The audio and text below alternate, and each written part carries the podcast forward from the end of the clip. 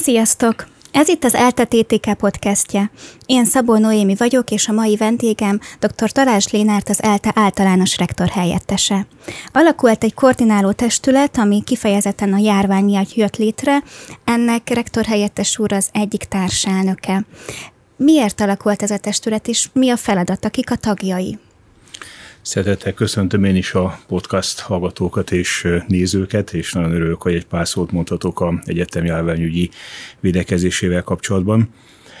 Szerintem ez egy jó időben meghozott nagyon jó döntés volt az egyetemvezetés részéről, hogy még amikor igazából nem robbant be járvány Magyarországon 2020, tehát tavaly február végén hoztuk meg ezt a döntést, hogy egy rektori kancellári közös utasításban létrehoztuk a járványi operatív koordináló testületet, aminek az a feladata, hogy akkor már látszott, hogy azért nagyon komoly védekezésre lesz majd szükség, mint társadalmi szinten, mint az egyetemem magyar felsőoktatási intézmények közül elsőként léptük ezt meg.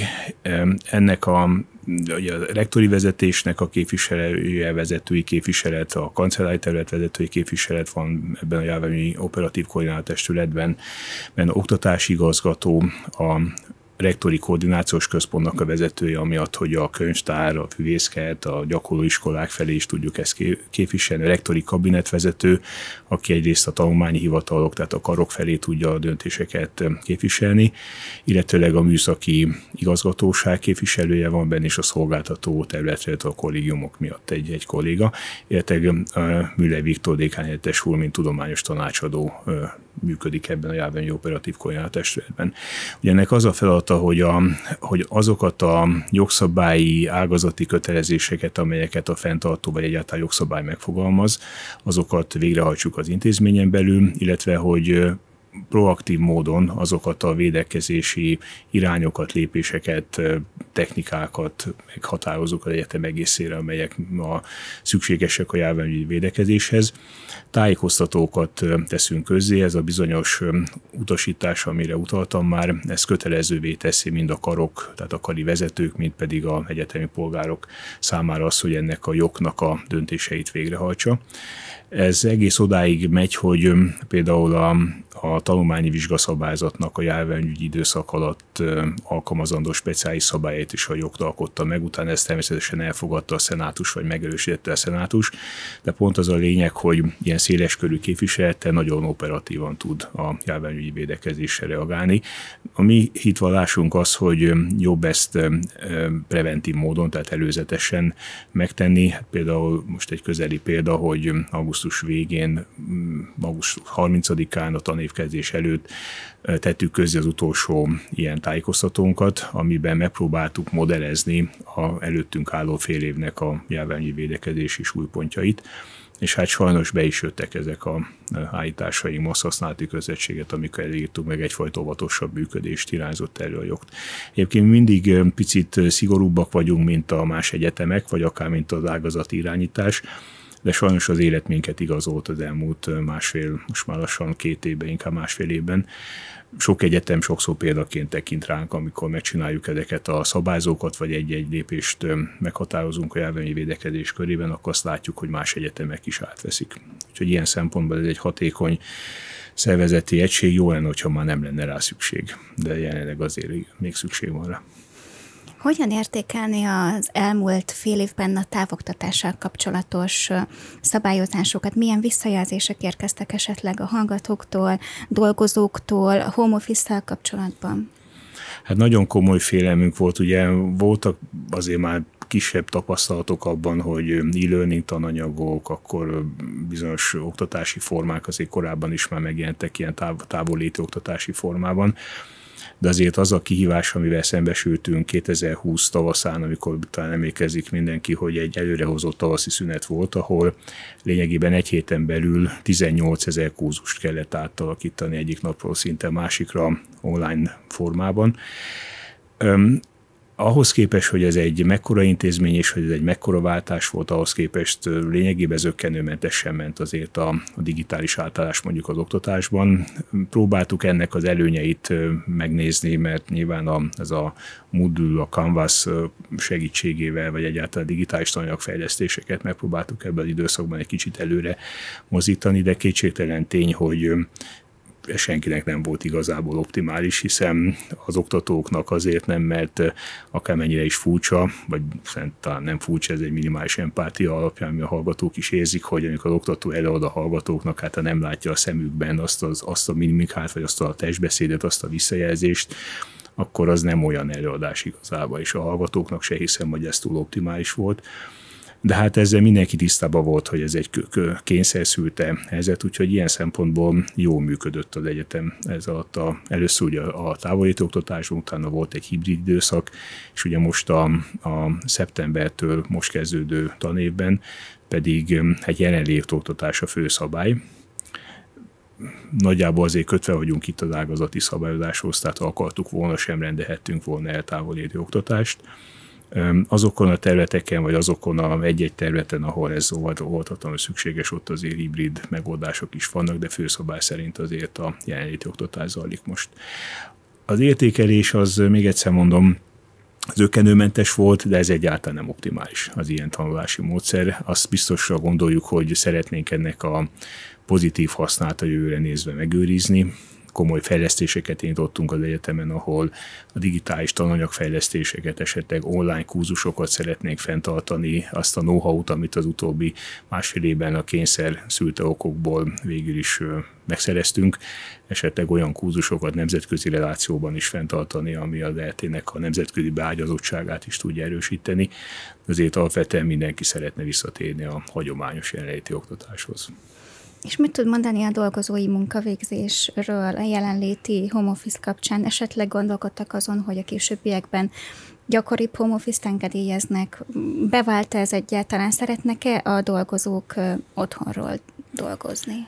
Sok szempontból bevált, és tulajdonképpen most is van. Tehát a, ebben annak ellenére, hogy az oktatás, az jelenléti oktatással zajlik, azért a home office-t fenntartottuk ilyen hibrid változatban. Az adott munka, munkáltató vagy a szervezeti egységnek a vezetője szervezheti meg úgy a alá tartozó munkavállalóknak a munkavégzését, hogy nem kell mindig mindenkinek egyszerre lenni, hogyha el tudja látni otthonról is a munkáját, mert a munkakörben dolgozik, akkor, akkor a home office az engedélyezett. Úgyhogy ilyen szempontból a hatékonyságban nem láttuk, hogy a dolgozóknak a home office-ban működése az visszavetette volna az egyetemnek a működését Sőt, ha szabad egy kicsit hát merészen fogalmazni, az egyetem működésében ez kifejezetten előnyöket hozott, hiszen nagyon erőteljesen előmozdítottuk a digitális ügymenetet, ami korábban sok sokat beszéltünk róla, de azért komoly ellenállás volt a karok részéről magában az apparátusban, de aztán, amikor nem volt más megoldás, akkor mindenki úgy hirtelen átállt,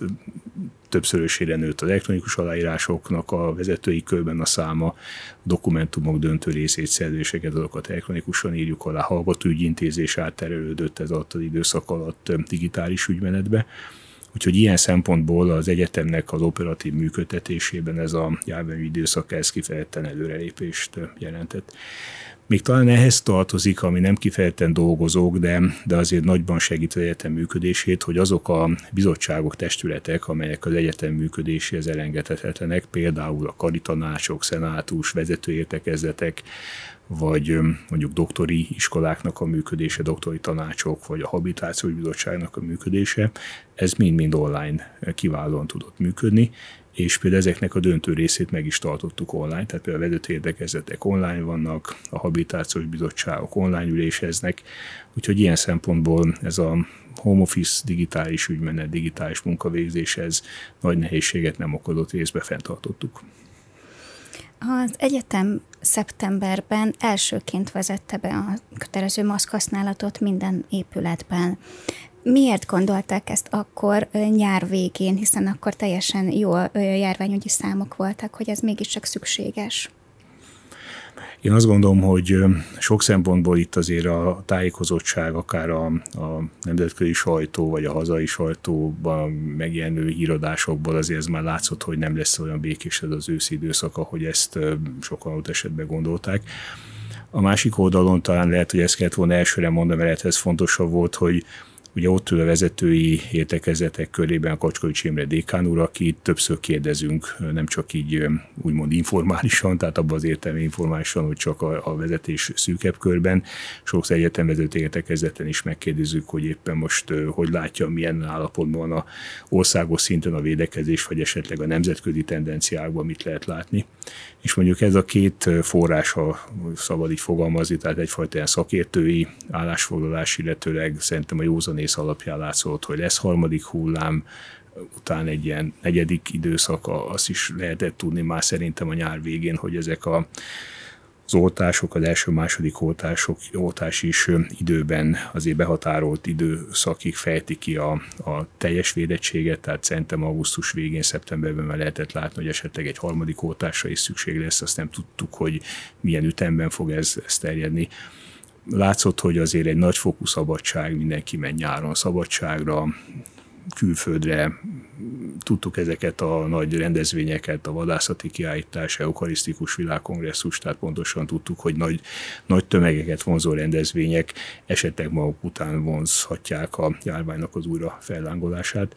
Úgyhogy ebbe vita nélkül teljesen egyértelmű volt, én magától értetődő volt, hogy a masszhasználatot bevezettük. Akkor sokan furcsálták, de aztán éppen ma olvastam a sajtóban, hogy, hogy ugye hogy november 2 van, hogy lényegében nincs már olyan egyetem talán Magyarországon, aki nem vezette be. De hát szerintem ez jobb volt azért korábban. Így van. A negyedik hullám közelettével különböző felméréseket végez az egyetem a a saját dolgozóinak, hallgatóinak az átoltottságával kapcsolatban. Hogyan gyűjtik be az információt? Van-e esetleg valami adatuk a jelenlegi, vagy esetleg a, a szeptemberi helyzetre vonatkozóan? Hát itt van egy nagy dilemma, amit nyilván nagyon nehéz helyén kezelni, hogy az egyetem nem egy elszigetelt, egy lakatlan sziget, egy nagy óceán közepén. Hát nyilván azok a hallgatók, oktatók, akik itt nálunk vannak, azok addig az egyetemi kötelezéseknek kell, hogy eleget tegyenek, amíg itt vannak az egyetem épületeiben, de amikor hazautaznak, vagy, vagy bárhol vannak a szabadidejükben, úgy, hogy ki vannak téve adott esetben a, a kockázatoknak. Úgyhogy ezért ezek a lokális védekezések, ezek természetesen nem mindenhatóak, de azért mégis hozzájárulnak valamilyen szinten a, ahhoz, hogy, hogy azért ez egy hatékonyabb védekezés legyen amikor elhatároztuk, hogy, hogy ezt az évet jelenléti oktatással fogjuk végezni, viszont egy masszasználati közösséggel akarjuk kombinálni, akkor kíváncsiak voltunk, hogy mennyire lehetünk biztosak ebben a döntésben, ezért az év elején elrendeltünk egy online anonim kérdőív alapján egy felmérést az egyetemen, amit kitölthettek. Hát ugye nem tudjuk ezt kötelezni senkire, de, de kértük a egyetemi polgárokat, hogy töltsék ki ezt anonim online kérdévet. Ez nem tárol semmi adatot, egyszerűen csak arról van szó, hogy felmérjük az aktuális állapotot. Ez pont a tanévkezdés előtt volt, és utána hetente megcsináljuk ezt a felmérést. A tanévkezdésnél egész jó pozitív visszajelzés volt a, az eredményeket tekintve. Nagyjából egy olyan 65 százalék, 65-70 százalék az összegyetemi polgárságnak töltötte ki ezt az online kérdőívet, tehát egy elég magas reprezentáltságot mutat ez a felmérés.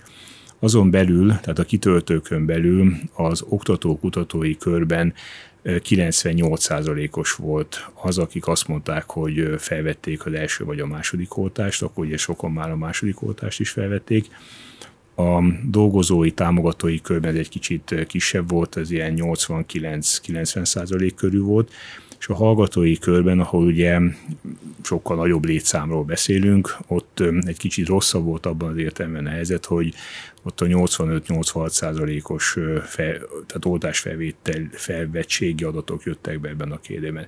Ez messze-messze jobb, mint az országos átlag, mint a, tudjuk, hogy más egyetemeknél is sokkal jobb volt, úgyhogy ilyen szempontból nyugodtan tudtuk elkezdeni az évet. Ezek a hetente ismétlődő felmérések, ezek viszont azt mutatják, hogy ugyan gyengébb ütemben, mint az országos átlag, amihez hozzáférünk mi is a sajtóból, de nálunk is növekszik a pozitív eseteknek a száma, úgyhogy nyilvánvalóan most abban a helyzetben vagyunk, hogy egy élesedő védekezési kényszer előtt állunk a következő napokban. Ez a negyedik hullám, hogy most úgy tűnik, hogy elég erőteljesen belobban, lehet, hogy a pont a őszi szünetnek a hatására még ez egy néhány napig nem érezhető, nem lesz érezhető, mondjuk egy hétig, de azt gondoljuk, hogy november közepétől viszont elég erőteljesen fog növekedni a ismételten betegeknek a száma. Ugye most már az is játszik, hogy akik megkapták a második oltást valamikor mondjuk ilyen március, április, május környékén, ott már ugye letelik az az öt hónap, ami után aktuális válna a harmadik oltás, hiszen tudjuk, hogy a delta variánssal szemben igazából az a hatékony, hogyha három oltással rendelkezik valaki. Itt az egyre erősödő negyedik hullámban milyen eszközök vannak az egyetem kezében, amivel esetleg szabályozhatja a saját működését? Um, előírhat esetleg kötelező um, a dolgozóknak vagy a hallgatóknak? A kötelező védőoltás az egy nagyon kényes téma, hiszen sokan sok szempontból végiggondoltuk, hogy lehetséges lenne, hiszen ezt senki nem tud, tagadhatja, hogy valószínűleg ez ellen tényleg a védőoltás az egyetlen hatékony védekezési eszköz, de jogszabályi felhatalmazás nélkül a mi jogrendszerünkben, és ezért hangsúlyozom, hogy a mi jogrendszerünket, mert sok helyen a világban, az Egyesült Államokban, ugye az egész más jogrendszer ben elrendeltek sok területen kötelező oltást. Nálunk ezt a magyar jogrendszer ezt eddig nem engedte meg. Úgyhogy ezért az egyetem nem volt erre egyszerűen jogosított. Viszont a jogt tájékoztatókban talán érdekes megfigyelni a hangnemet, ahogy használtuk a szavakat, hogy először talán így fogalmaztunk, hogy erősen ajánljuk a védőoltás felvételét, aztán az augusztus 30-ai tájékoztatóban már elvártuk a dolgozóktól, hogy, hogy mindenki oltassa be magát. Ott tájékoztattuk a egyetemi polgárokat, hogy semmifajta kimentést úgymond nem tudunk elfogadni, távolétigazolást, vagy, vagy órán való részvételnek a hiányát arra hivatkozva, hogy, hogy nincsen beoltva, semmilyen előtt nem csatolunk ahhoz, hogyha valaki miatt maradt távol.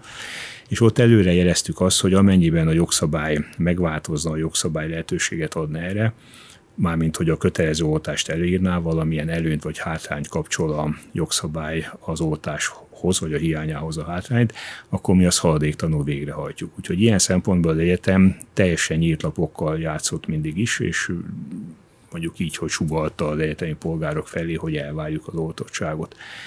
Most egy érdekes fordulat előtt állunk, hogy pont a múlt héten, 28-án megjelent egy kormányrendelet, ami arról szól, hogy a állami fenntartású egyetemeken, nem kifejezetten csak az egyetemekről szól, hanem mondjuk így az állami intézményekben kötelező oltást ír elő ez a szabályozás. Ez szerintem még nagyon nem terjedt el a köztudatban, hát értem, hogy most itt voltak a hétvégi szünetnapok, meg a minden szentek ünnepet, tehát ma szembesülünk, nagyon sok szembesülnek nagyon sokan ezzel a szabályozással.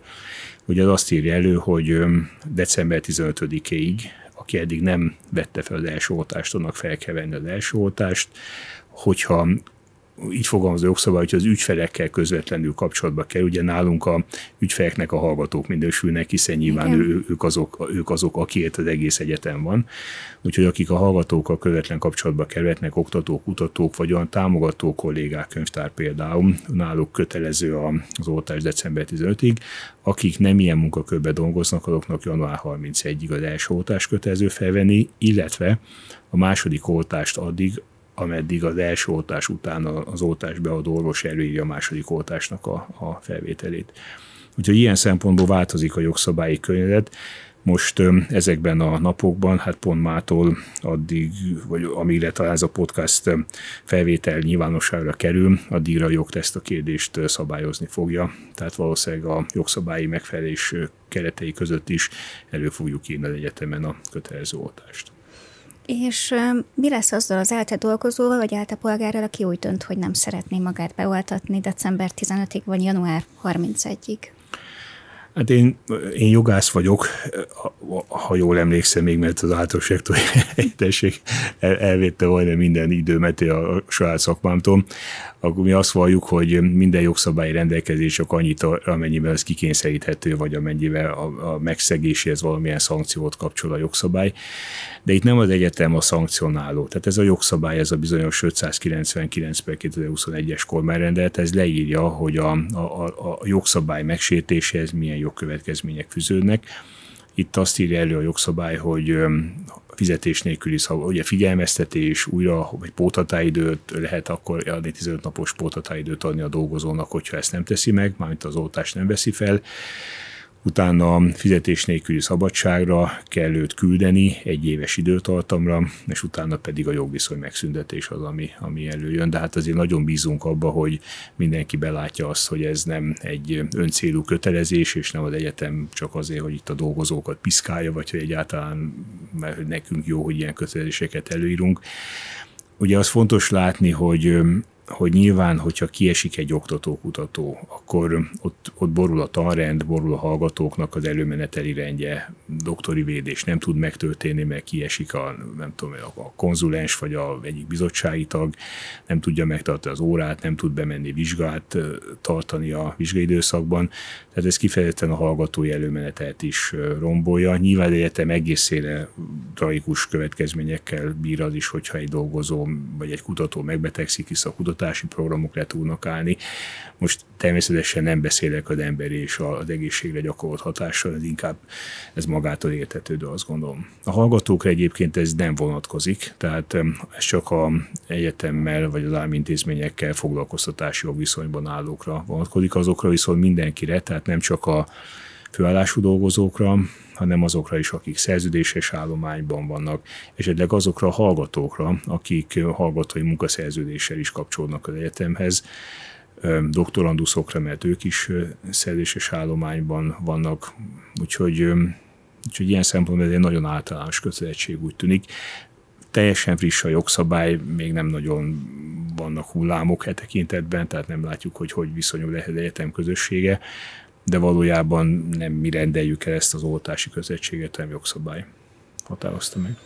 Tehát akkor most minden elte dolgozónak be kell oltatni magát. Igen. A hallgatókra ugye ez nem vonatkozik, ahogyan is említette. Mi a helyzet a, a védettségi igazolványjal? Esetleg elég-e a, a az, annak felmutatása a dolgozók részéről, vagy esetleg az épületekbe való belépéskor ez elegendő-e, vagy kifejezetten az oltás az, ami, ami szükséges? Ez a jogszabály azt is rendezi, hogy elég részletesen és precízen, hogy mivel tudják igazolni a, a dolgozók, most dolgozót ugye értjük a oktató, kutató, támogató Igen. dolgozókat, hogy hogyan tudják igazolni a, az oltásnak a meglétét, és hát itt egész széles spektrum van, mert a, a hivatalos, az utazási, azt szerintem nagyon sokan átélték a nyáron, hogyha valahol utazni akartak, akkor ez a bizonyos nemzetközi Covid igazolvány, ami letölthető a, a ügyfélkapuból, ez elegendő természetesen nekünk is. Nyilván ez a kis plastikkártya, ami a oltást igazolja, az ugyanúgy elegendő, de ugyanúgy elegendő az oltási igazolás, amikor megkapja az oltást, akkor az orvos igazolja, hogy hogy beadta az oltást. Ugyan széles körű kivétel van végül is abban az értelemben, hogyha valakinek ellenjavalt az oltás, nem tudom, például nem tudom, hogy hol tart most a tudománya tekintetben, hogy mondjuk egy terhes nőnél, vagy a teherbe esni kívánóknál, most csak mondok egy ilyen teljesen hétköznapi, ami nem is betegség, hanem csak egy teljesen életszerű példa, hogy ajánlott vagy nem ajánlott az oltásnak a felvétele. Hogyha a házi orvos azt mondja, hogy nem, akkor természetesen ezt el kell fogadni, csak ez kell egy orvosi igazolás arról, hogy, hogy ez ne legyen tehát tőle nyilván nem kell kérnünk, és nem is kérhetjük. A hallgatóknál ez egy bonyolultabb történet, mert ez egy nagyon nehéz mondjuk így, hogy játéktér, ahol az egyetem mozog, hiszen nem vagyunk teljesen autonómak a védekezési szabályok meghatározásában, hiszen nyilván a jogszabályokat azt mindenkinek be kell tartania, de vannak úgynevezett ágazati ajánlások, amelyeket a minisztérium minden egyes egyetemre megfogalmaz, Ezekbe általában mi beleférünk, mert ezek kicsit később jönnek ki, mint hogy a, a mi egyetemi védekezésünk, tehát a jognak a döntései megszületnek. Ezért sokszor inkább az a kérdés, hogy nem írja valamilyen módon felül a ágazati szabadulása a jognak a döntései, de eddig nem volt ilyen. Viszont ebben nincsen arra lehetőség, hogy mondjuk az oktatásban való részvételt, azt mondjuk védettségazoláshoz kössük.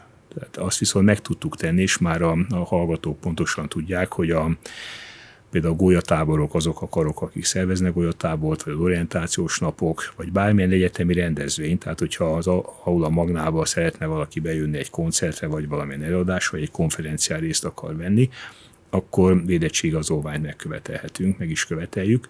Egyedül az oktatási tevékenységhez, tehát a napi mondjuk így, hogy a épületekbe való belépéshez, vagy a tanórákon való részvételhez nem szükséges az, az oltási igazolvány, mert ezt nem követelhetjük meg. Ezt ezután sem lehet. Ha lehet megkövetelni, akkor mi szívünk szerint ezt megtennénk, mert nyilván a hallgatóknak is azért sokkal előnyösebb és jobb, hogyha ők is be vannak oltva. Akinek van védettségi igazolványa abból az okból, hogy átesett a betegségen, akkor az itt nem elegendő ebben a formában, ha elte dolgozóról van szó. Jól értem? Hát a jogszabály szerint igen, igen, igen. Tehát ő, ő nem, a jogszabály nem azt mondja, hogy védettség, ugye lehetne ilyen is, hogy a, hogy a védettség igazolvány, vagy a védettséget igazolnia kell, de ez a 3G-s verzió, amit mondjuk itt a német területeken, hogy, hogy átesett, oltott, vagy most tudom, mi a másik, a harmadik, tehát lényeg az, hogy, hogy valami fajta védettséget megszerzett, ez itt nem elegendő, mert a kötelezés az az oltás felvételre vonatkozik. Tehát első-második oltás. És hogyha az ELTE dolgozó felvette az oltást, milyen más javaslatokat fogalmaz meg esetleg a jogtarra vonatkozóan, hogy a munkavégzés körülményei hogyan befolyásolja a vírus. Javasolják-e esetleg azt, hogy a testületek, megbeszélések annak ellenére is online legyenek, hogy mindenki rendelkezik oltási oltással. Ez mindenki, ez most is így van, és ezt fenn is tartanánk természetesen. Ha szabad így fogalmazni, akkor ezt egy picit szigorítanánk, vagy, vagy konzekvensebben ajánlánk, ajánlanánk, és végre is hajtanánk.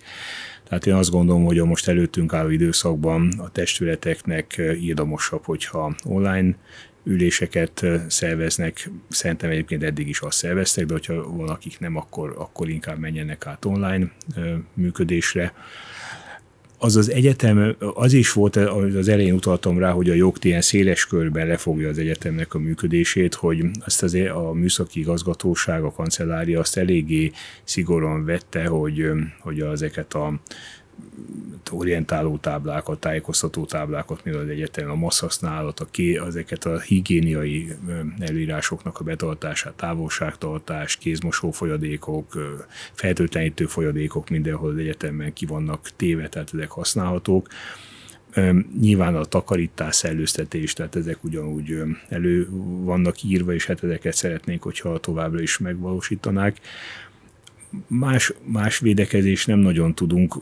Valószínűleg már nagyon közel vagyunk a vizsgai időszakhoz, hiszen most november elej van ugyan, de hát pillanatok alatt ott vagyunk ez a hónap, és akkor december elején már elővizsgák, utolsó hetek, ahol beszámolók vannak még ott azon nem gondolkoztunk, mert az ágazati szabályozás ezt most nem teszi egyelőre lehetővé, hogy esetleg online vagy legalább hibrid vizsgáztatást írjunk elő. Most egyre arról szól a, a mostani állapot a szabályozásban is, hogy jelenléti oktatás van, illetőleg a jelenléti vizsgáztatás, de itt látok még valami mozgásteret, tehát hogyha nagyon bedurvulna a járvány, és a hallgatói körben is jelentősebb beavatkozás lenne szükség, akkor valószínűleg elrendeljük majd a online vizsgáztatást, de egyelőre mondom, nem tartunk itt, tehát nem döntöttünk még erről. És um, tudom, hogy nehéz jóslatokba bocsátkozni. Ez a fél év végigvihetően még jelenléti módon, vagy lehet-e számítani arra, hogy nem csak már a vizsgai időszak helyeződik át az online térben, hanem a,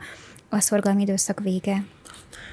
Ugye azt előírtuk augusztus végén már a, a, bizonyos augusztus 30-ai jogtájékoztatóban, mert nem csak a massz használat volt itt a lényeg, amiből döntöttünk, hanem az volt az egyik, az én szem, szemszögemben egy lényegesebb döntés volt az, hogy köteleztük arra az egész egyetem igazgatását, mondjuk így, hogy meg kell teremteni tükörben az online világot is az oktatásban. Ezért most minden kurzusunk azok, az megvan online is. Tehát jelenlét oktatás van, az összes kurzusnak megvan a Teams változata, ezeket aktiváltattuk is. Tehát lényegében, ha most azt mondanánk, hogy holnaptól online kell megtartani egy órát, akkor ezt mindenkinek meg kell tudni tartani. Tehát és csak abból a szempontból mondom, hogy fel vagyunk készülve arra, hogyha online oktatásra kell átérni, de ennél lassabban működik a, a dolog, és azért nyilván ezért nagyon nehéz lenne, hogyha most az utolsó két vagy három hétre, ahol már lényegében a fél év zárása fog majd zajlani, tehát mondjuk egy a november végétől még december közepéig, hogy akkor átállnánk online oktatásra, de ez, nem, ez tényleg egy kicsit eljóslás, mert fel vagyunk rá készülve, és hogyha úgy látjuk, hogy szükséges, akkor el is fogjuk rendelni. Azt nem látom át, hogy ennek van-e különösebb értelme vagy hatása. Tehát az, hogy egy oktatói, dolgozói kötelező oltás mellett a hallgatókat lényegében kizárjuk a jelenlétből, lehet, hogy célszerű lenne, de egyre az ágazati szabályozással nem ad lehetőséget, és mi se, mi se döntöttünk még így, hogy ezt megtegyük. De ha, ha szükséges, akkor megfogjuk. A hibrid oktatás mellett a dolgozói munkavégzéssel kapcsolatban is lehetnek különböző korlátozások a jövőben?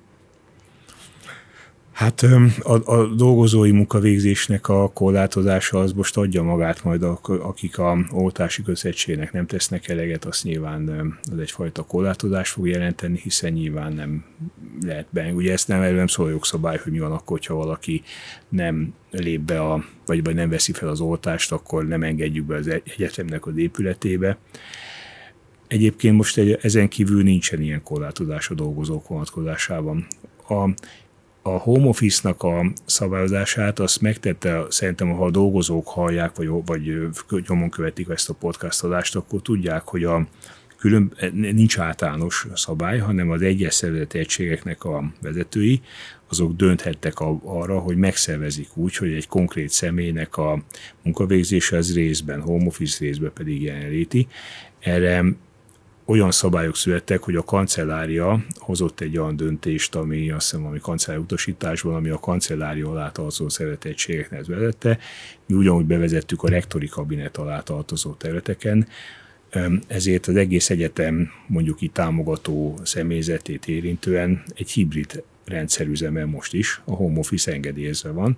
Egy a lényeg, hogy a, munka, a konkrét munkairányítás jogot gyakorló tudja azt, hogy ki mikor van benne, és hogy ki mikor van home office-ban. És hogy a munka el legyen végezve. El legyen végezve, igen. igen. De ebbe, tehát ez a ha szabad így fogalmazni, akkor ez talán olyan magától értetődő, és én nem tudok ezzel kapcsolatosan olyan munkáltatói, munkavállalói jogvitáról, ahol valakit még csak figyelmeztetni is kellett volna. Tehát ez, ez, ez teljesen pozitív élmény volt számomra, hogy nagyon fegyelmezetten és nagyon céltudatosan eh, hajtották végre mondjuk egyetemi polgárok ezeket a borzalmas intézkedéseket, tehát hogy egyik pillanatról online oktatás, akkor hibrid, akkor home office, akkor senki nem tudta, hogy pontosan meddig fog tartani, nyilván mindenkinek megvoltak a maga nehézségei, mert a kisgyerek van otthon, meg a házastárs is home office van, és mondjuk egy lakásban vannak, akkor ez, ez, ez óvatatlanul problémákat eredményez. Hát voltak vicces dolgok, ezeket mi is láttuk, hogy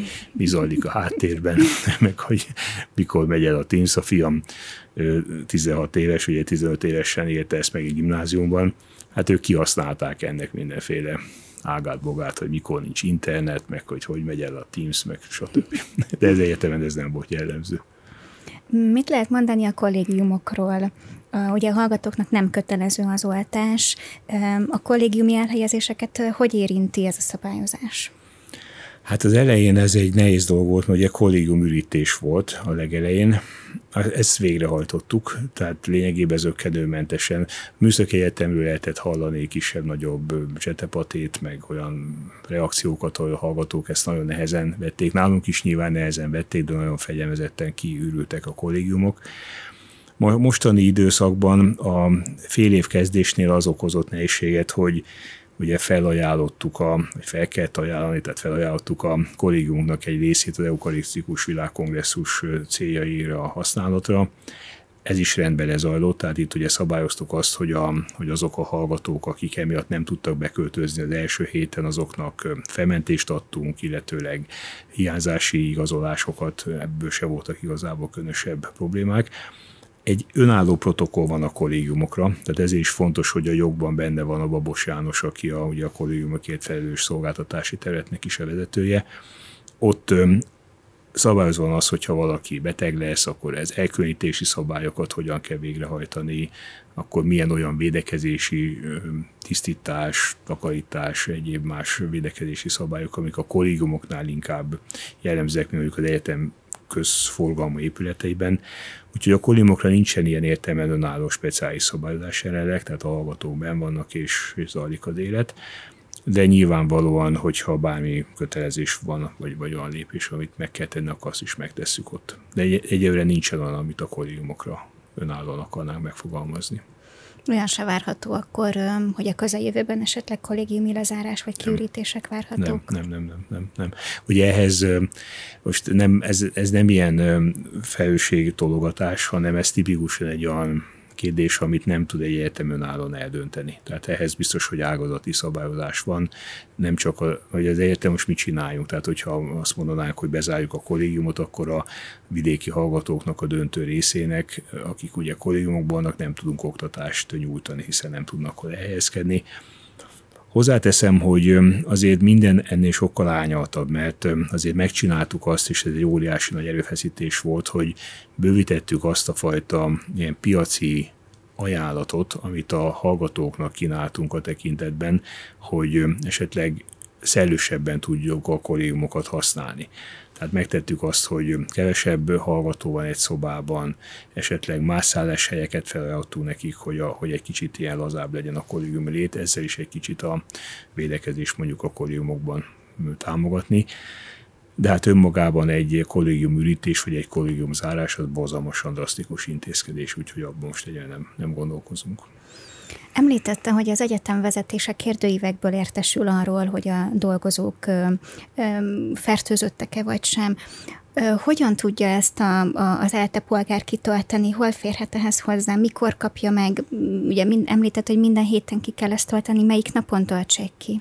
Minden csütörtök reggel, hogyha valaki megnyitja az e-mail, és attól függ persze, hogy mikor szokták az emberek megnyitni az e-mailjeket, de egész reggel, tehát 8, 8 és 9 óra között kap mindenki a dolgozói listán egy ilyen felhívást, tulajdonképpen egy, egy e-mail, egy levelet, és nagyon egyszerű, mert rá, és lényegében három kérdésre kell válaszolni a, annak, aki teljesen egészséges, vagy annak vagy a magát, mert csak annyi, hogy, vagy hát annyi többen, hogy melyik szervezet egységhez tartozik, annyit meg kell mondani, hogy oktató, kutató, hallgató vagy támogató, Budapesten, Szombathelyen vagy Nyíregyházán van-e, de csak ennyit, és akkor utána, hogy van-e légúti panasza, van-e karanténban van-e, van, éreze, hogy vagy tapasztalta magán covidos tüneteket, és hogyha valaki erre nem válaszol, akkor ez tényleg csak három klikkelés, hogyha igen, mármint igenne válaszol, akkor picit bonyolultabb, mert akkor rákérdezünk arra, hogy meglátása szerint esetleg hol fertőződött meg, tehát hogy egyetemi rendezvényen, oktatás alatt, tehát de csak ennyivel bonyolultabb a dolog.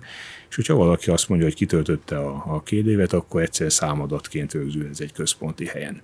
Úgyhogy a kitöltés az lényegében fél perc, azt gondolom, hogy nagyon, nagyon gyorsan végrehajtható. Nekünk meg egy nagyon nagy segítség, mert látjuk az egyetem konkrét adatainak az alakulását, és akkor a jogtot tudjuk élesíteni, hogyha bármilyen további intézkedés szükséges ennek fényében. Köszönjük szépen, rektor helyettes úr, hogy ellátogatott hozzánk a, ebbe a podcastbe. Ne felejtsétek el kitölteni az áltakérdőívet, Iratkozzatok fel a YouTube csatornánkra, hallgassátok vissza az adásokat Apple Podcasten, Spotify-on vagy Google Podcasten, és ne felejtsétek el, hogy jövő héten is találkozunk. Sziasztok! Köszönöm szépen, és viszontlátásra! thank you